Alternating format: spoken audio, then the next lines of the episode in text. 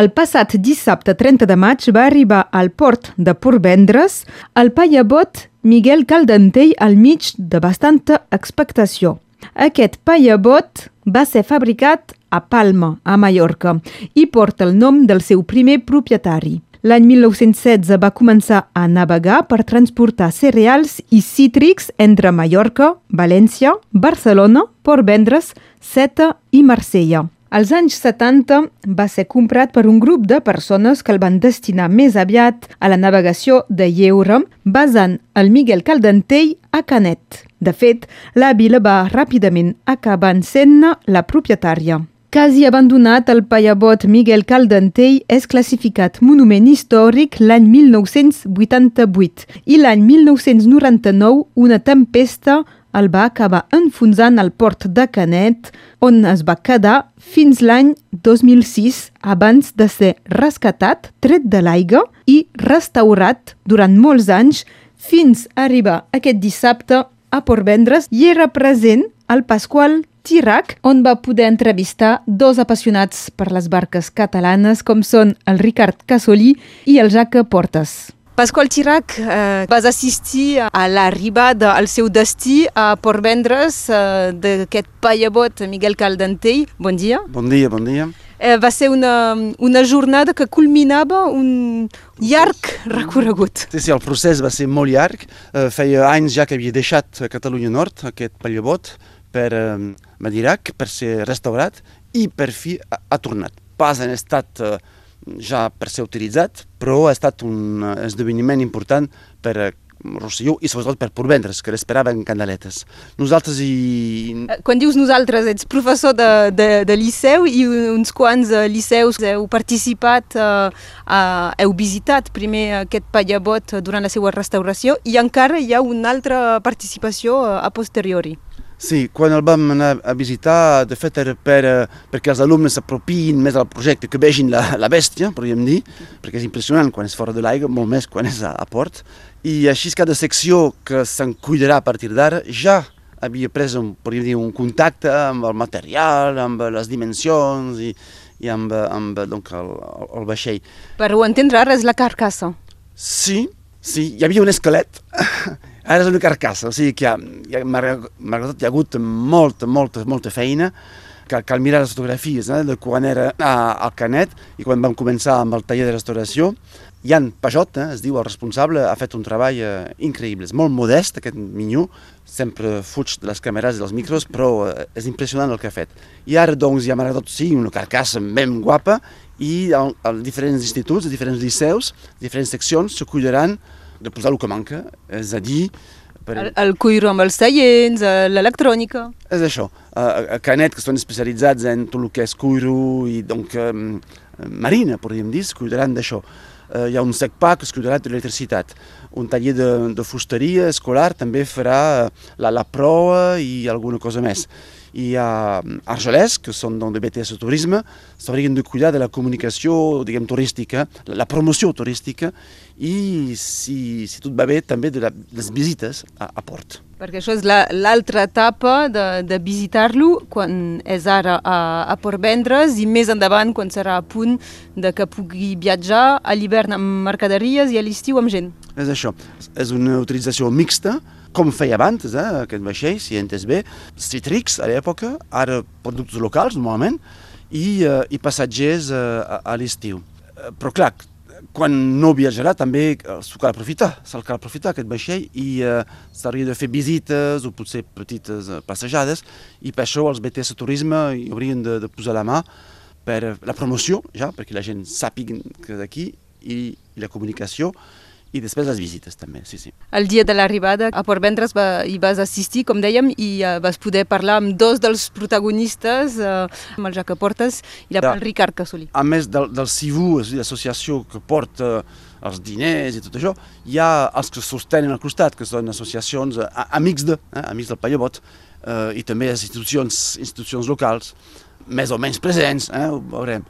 I doncs sí, sí, tothom era a, al moll per esperar l'arribada de, del Miguel Caldentell. Que va arribar un poc més d'hora que previst. Bé, sí, eh, els que el remolcaven, perquè encara no pot navegar de manera autònoma, uh, com que han vist que feia mar bona, han accelerat i han arribat dues hores a l'abans, però hi havia molta gent ja uh, que l'esperava. Ens traslladem, doncs, fins dissabte 30 de maig al moll de Portvendres per l'arribada del Miguel Caldentell, un reportatge de Pasqual Chirac que ha començat parlant amb l'apassionat de barques catalanes Ricard Casolí. Se l'esperava a les 4, a 4 hores, m'ha arribat a l'abans. Sí, uh, molt més abans perquè, uh, perquè era remolcat per la, la SNSM i mira, com, com el mar era correcte, doncs no, hi havia onades molt fortes, doncs hem pogut, uh, pogut tirar endavant eh, i anar a vuit nusos. Doncs tot plegat tenia d'anar a quatre nusos i ha acabat a vuit nusos. Era molt esperat aquell pallabot perquè és un barco molt emblemàtic de, de Portvendres, perquè tot el, mira, el transport de cabotatge eh, es feia amb pallabots, eh, que sigui els taronges, els cítrics i tot això pujava de, de cap a baix, a les illes, i fins a fins Seta i fins Marsella i en camp per canvi tornaven amb productes manufacturats cap a, cap a les illes, cap a Soller, sobretot. Eh? I, I a partir d'ara podria servir per transportar, per portar viatgers? Sí, eh, llavors a Portvendres és molt divertit perquè hi havia una societat que es deia la Societat de Transport Mixta i això serà un transport mixta eh, és, a dir, eh, és a dir, valorar productes per al transport a vela i també eh, fer, fer de transport eh, de viatgers eh, mira, per disfrutar, per, per lleure, lleure. I sempre cabotatge? Sempre cabotatge Llavors hi ha, molt, hi ha dos tipus de, de viatges possibles, eh? anar a les illes, a quedar al Mediterrani, fer el viatge, per què no, de, de l'Ulisse, eh? amb el tot... I també eh, aquests barcos anaven a les Antilles també a buscar rom, eh, tabac i hi havia molts ports a la costa per vendre's, eh, Palamós, Vilassar de Mar, Mataró, tot, tot aquest ports, Barcelona, ben segur, que, que feien eh, transport des de les Antilles, eh, portaven índigo, rom, eh, sucre, sucre, molt de sucre, tabaco també, de Cuba i, i de, de la Guadalupe també, i totes les colònies. Eh? I amb això té un nom anglès? El, el Pallobot? Sí, sí, és els catalans que, que van agafar Pallobot, eh, això, i que van, eh, mira, li van donar la música, la música catalana. Ja que es porta, era hora, no?, que arribés aquí el, el Miquel Cadentall. I tant, fa 13 anys que va començar la història. El Pallebot estava canet i l'Arleta Franco el volia destruir. Vam tenir la sort que, com era classificat monument històric, vam poder salvar. Vam muntar... Ja tenim l'associació dels Amics de la Barca Notre de Consolació, un monument històric, i vam intentar comprar-lo. Però com que pertanyia a una entitat pública era impossible vendre'l amb una associació. I vam muntar aquest CIVU amb l'ajuda de, dels monuments històrics, d'un polític d'aquí, d'Argelers, i, de l'entusiasme de la gent que teníem a l'entorn. Vam tenir la sort de trobar un chantier de reinserció que ha portat tota la feina, perquè si no, no crec pas que el Consell General a l'època, els tres municipis de principi que estaven envolten en aquest assumpte s'haguessin mullat uh, realment.